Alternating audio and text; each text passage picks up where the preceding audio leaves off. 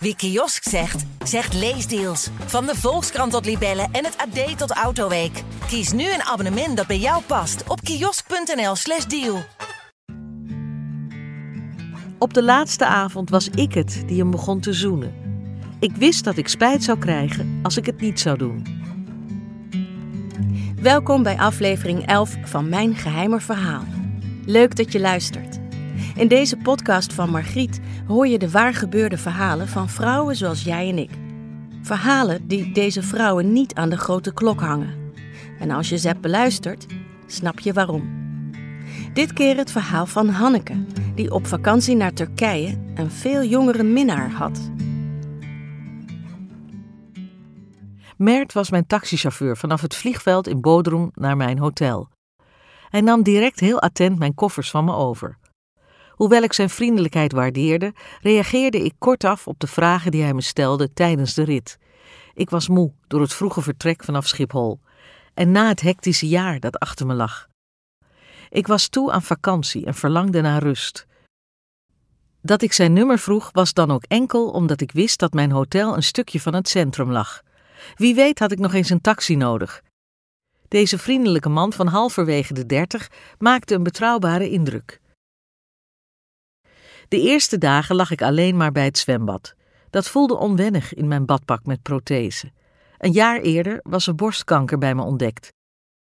Eerst leek chemo genoeg, toen moest mijn borst eraf. Hoewel ik er nuchter mee probeerde om te gaan, één op de negen krijgt immers vroeg of laat te maken met deze vorm van kanker, vond ik het een heel moeilijk proces. Vooral omdat ik het allemaal alleen moest doorstaan. Een paar jaar daarvoor was mijn man overleden, kinderen hadden we nooit gekregen. Hoewel ik vriendinnen had die me steunden, voelde ik me toch erg eenzaam. Elke avond lag ik in mijn eentje in bed en was er niemand die mijn tranen kon drogen. Om nieuwe krachten op te doen, had ik nu tien dagen Turkije geboekt. Zon, zee en boeken lezen, dat was wat ik wilde. Na een paar dagen kreeg ik zin om het stadje in te gaan. Ik belde Mert en dit keer praten we wel. Hij bleek een intelligente man die de Engelse taal uitstekend beheerste en hij wist veel over Nederland. We zaten zo geanimeerd te praten dat ik op de plek van bestemming nog wel tien minuten in zijn auto bleef zitten. Toch was hij daarna meteen weer uit mijn gedachten verdwenen. Tot hij s'avonds aan mijn tafeltje stond toen ik langs de boulevard zat te eten. Het was de zachte open blik in zijn ogen waardoor ik ja zei toen hij vroeg of hij bij me mocht zitten. Voor ik het wist was het twee uur s'nachts. Pas toen hij voorstelde om een stukje te wandelen, dacht ik: deze jonge vent is toch niet met mij aan het flirten? Overhaast ben ik vertrokken, iets waar ik later in het hotel spijt van had. Mert was zo aardig en correct geweest, ik had niet zo overdreven moeten reageren. De volgende dag stuurde ik hem een appje met excuses. Maar toen hij me uitnodigde om die avond samen te eten, zei ik nee. Ik had wel eens gehoord van sugarboys aan de Turkse kust en daar wilde ik me verre van houden, omdat ik niet wilde betalen voor aandacht of seks. Dat laatste zou ik trouwens niet eens durven na mijn operatie. Dit vertelde ik hem ronduit toen ik hem twee dagen later weer tegen het lijf liep. Hij moest lachen om mijn directheid. Just friends, bezwoer hij mij. Later, bij een glas wijn, gaf hij toe dat hij inderdaad wel eens romances had met buitenlandse vrouwen. Ja, vaak ouder dan hij, maar daar was het hem nu niet om te doen, echt niet. Hij vond me aardig en inspirerend om mee te praten, zo tijdens het saaie voorseizoen. Hij legde zijn hand op zijn hart. Ik beloof je dat ik niets ga proberen bij je. Natuurlijk, anderen zullen zeggen dat hij een spelletje speelde om mij in te palmen, maar ik voelde dat hij oprecht was.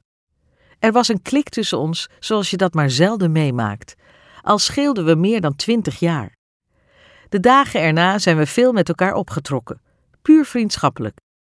Ik was opener tegen hem dan ooit tevoren tegen wie dan ook. Alles heb ik verteld.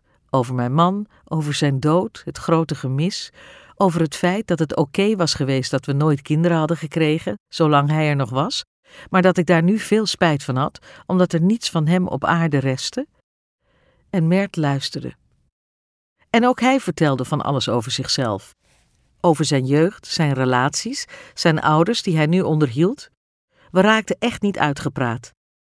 En Mert hield woord, hij probeerde nooit iets maar er hing wel een spanning tussen ons. Ik vond hem erg aantrekkelijk en dat liet me niet koud. En de laatste avond was ik het die hem begon te zoenen. Ik wist dat ik spijt zou krijgen als ik het niet zou doen. Later die nacht kleedde ik me voor hem uit. Voor het eerst toonde ik iemand de plek waar ooit mijn borst zat. En Mert was zo teder, zo liefdevol. Hij wist me echt het gevoel te geven dat ik nog altijd beeldschoon was. Dat ik hem geld gaf voordat ik de volgende dag vertrok, voelde niet meer dan juist. Niet voor zijn gezelschap van die week en al helemaal niet voor die nacht. Ik gaf het omdat ik hem wilde helpen. Ik wist inmiddels hoe zijn leven eruit zag, hoe krap hij altijd zat. Mijn man heeft mij veel geld nagelaten. Daarvan wilde ik hem graag iets geven. En toen ben ik vertrokken. Stralend zat ik in het vliegtuig, werkelijk als herboren. Wat zie je er goed uit, zeiden alle mensen thuis. Ik heb maar aan één vriendin verteld wat daarin het aandeel was van Mert. Toen zelfs zij wat bedenkelijk keek, wist ik dat ik verder niets tegen wie dan ook zou zeggen. Mert is mijn geheimpje. Of hij nu sugarboy was of niet, mij maakt het niet uit. Hij is gewoon een dierbare herinnering voor mij. We hebben zelfs nog altijd contact en als ik nog single was, zou ik hem zeker nog eens opzoeken. Maar een paar maanden na mijn vakantie ontmoette ik een andere man met wie ik nu samenwoon. Ik weet zeker dat ik hem niet zo onbevangen en zelfverzekerd tegemoet had kunnen treden zonder Mert. Daar ben ik mijn Turkse soulmate nog altijd dankbaar voor.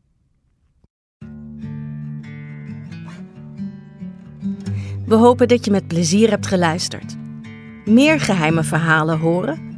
Abonneer je op deze podcast. In de volgende aflevering hoor je hoe Jolanda niet meer met haar vriend wilde trouwen toen hij opbiechte dat hij travestiet is.